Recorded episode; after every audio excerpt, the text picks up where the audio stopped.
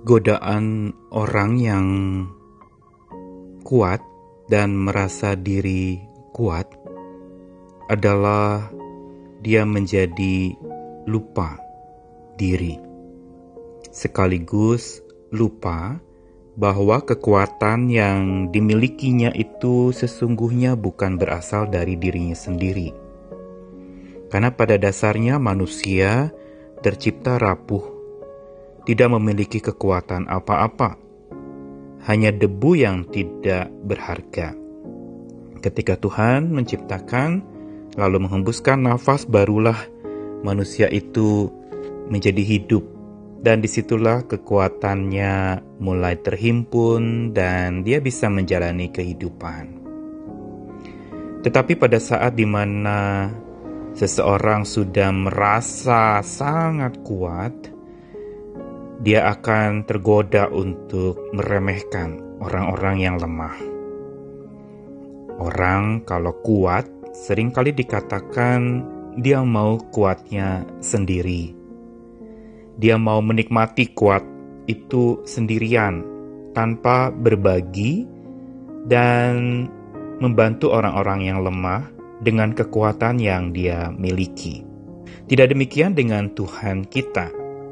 Tuhan Maha Kuat. Namun dalam kemahakuatannya, dia berbagi kekuatan. Dia bahkan melimpahkan kekuatannya kepada orang-orang yang lemah dia tidak menyalahgunakan kekuatannya dengan sewenang-wenang untuk menindas dan menghancurkan orang-orang yang lemah, tetapi dia memberikan kekuatannya, berbagi kekuatannya kepada orang-orang yang lemah itu agar mereka menjadi kuat. Saya Nikolas Kurniawan menemani di dalam Sabda Tuhan menyapa lagi hari ini dari Mazmur 18 ayat yang ke-33, 34, dan 37.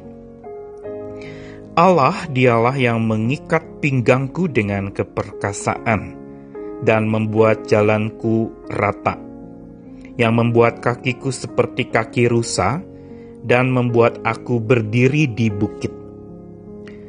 Kau berikan tempat lapang untuk langkahku, dan mata kakiku tidak goyah. Kembali Daud menceritakan pengalaman tentang bagaimana Tuhan menguatkannya. Mazmur 18 adalah mazmur kesaksian Daud tentang kekuatan Tuhan yang membuat dia kuat. Diawali dengan ayat 2 yang sudah dibacakan beberapa hari yang lalu, Daud mengagungkan Tuhan, mengasihi Tuhan sebagai kekuatannya. Ini kesadaran perdana yang menyebabkan Daud tidak mudah hanyut dan hancur saat bencana berat menimpa hidupnya. Dan Daud juga menjadi sosok pribadi yang dikuatkan karena dia bersandar sepenuhnya dan seutuhnya pada kekuatan Tuhan. Dan ayat 33, Daud mengungkapkan bagaimana Tuhan atau Allah itu mengikat pinggangnya dengan keperkasaan. Kata mengikat pinggang ini biasanya adalah perlengkapan untuk seseorang itu berhadapan dengan pergumulan hidup yang berat.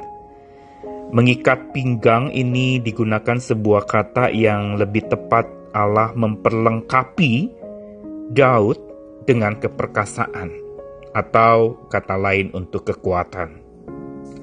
Dan Daud sungguh mengalami bagaimana dia diperlengkapi oleh Tuhan dengan kekuatan itu sehingga membuat jalannya rata. Artinya adalah membuat jalannya menjadi sempurna. Kita melihat bagaimana Daud sangat paham betul bahwa kalau dia bisa kuat Sungguh itu adalah karena Tuhan yang membuat dia kuat, bukan karena kemampuannya. Makanya dia katakan Tuhanlah yang memperlengkapinya dengan kekuatan. Di sini kita memahami tentang Allah yang kita kenal. Allah yang maha kuat tetapi tidak kuat dengan sendirinya dan untuk dirinya sendiri. Tapi Allah yang berbagi kekuatan dan menguatkan orang-orang yang lemah, yang letih, yang berjalan tertatih-tatih di dalam pergumulan hidupnya. Dan bukan itu saja, dalam ayat 34 dikatakan Tuhan membuat kakiku seperti kaki rusa. Ungkapan kaki rusa di dalam kitab suci menegaskan tentang satu kekokohan. Kaki rusa ini digambarkan punya kekuatan yang lebih tinggi dari binatang-binatang lain sejenisnya. Kaki rusa terkenal dengan kuatnya, sekaligus begitu tangkas, cekatan, ada kecermatan dalam rusa itu melangkah atau berlari. Yang makin menarik lagi adalah berlarinya sangat cepat tetapi cermat. Bukan cepat sembarangan atau serampangan, tapi cepat, cekat, dan cermat. Tanpa bebunyian tanpa juga langkahnya itu didengar oleh orang-orang yang ada atau didengar oleh makhluk lain. Ada yang menggambarkan bahwa rusa itu langkah-langkahnya, setiap pijakan kakinya itu tak bersuara seperti ular yang sedang berjalan, mengulir dan rusa memiliki kaki yang kuat, cekat, cermat, tapi melangkah di dalam senyap. Tidak ada yang namanya dia memperdengarkan langkahnya seperti prajurit-prajurit yang mau berperang. Gambaran ini menegaskan kepada setiap kita bagaimana pengalaman Daud dikuatkan oleh Tuhan. Dia sadar bahwa untuk menjadi kuat tidak perlu untuk memperdengarkan kepada orang lain atau memperlihatkan kepada orang lain bahwa dirinya kuat. Karena dia sadar kekuatan itu berasal dari roh Allah yang memang dengan senyap bekerja, yang dengan senyap itu membuat Daud bisa melangkah dengan tegap, tanpa gegap gempita, bersuara dan ingin didengar orang. Tapi Daud justru melangkah di dalam senyap tanpa gegap. Bukankah ini pula strategi peperangan yang biasanya Daud pakai saat mau menggempur musuh? Diam-diam, pada saat senyap, bukan pada saat terang benderang, tapi pada saat gelap. Tetapi dia kuat, cekatan, dan cermat. Karena itulah Daud menyaksikan bagaimana ia dibuat seperti kaki rusa, yang membuat dia bisa tegak berdiri di bukit yang tinggi. Daud sadar kekuatannya itu adalah dari Tuhannya.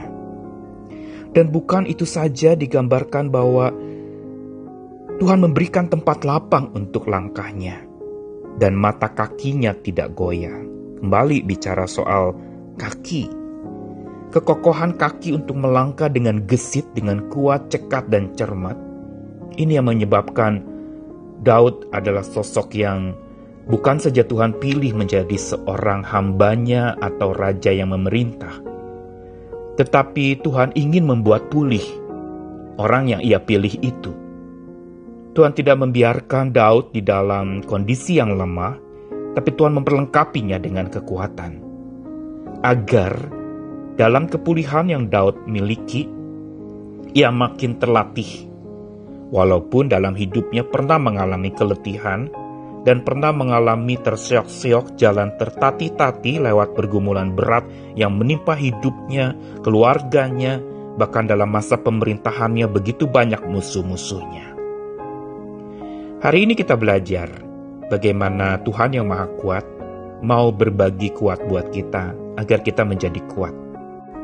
Hari-hari ini saat kondisi yang begitu berat menindih, banyak bencana dan musibah melanda, banyak orang yang merasa hidupnya begitu letih dan harus berjalan tertatih-tatih menelusuri berbagai macam pergumulan hidup yang sangat berat dengan beban yang menindih begitu kuat.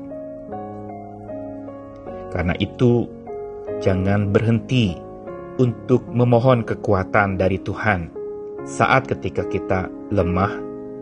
Dia perkasa dan dia mau berbagi keperkasaannya buat kita. Dan seperti rusa yang selalu rindu akan sungai Tuhan, biar kita boleh selalu rindu dekat dengan Tuhan, sumber kuat kita yang sejati. Tuhan mau pulihkan orang-orang yang ia pilih agar makin terlatih dan siap menghadapi tantangan hidup. Amin.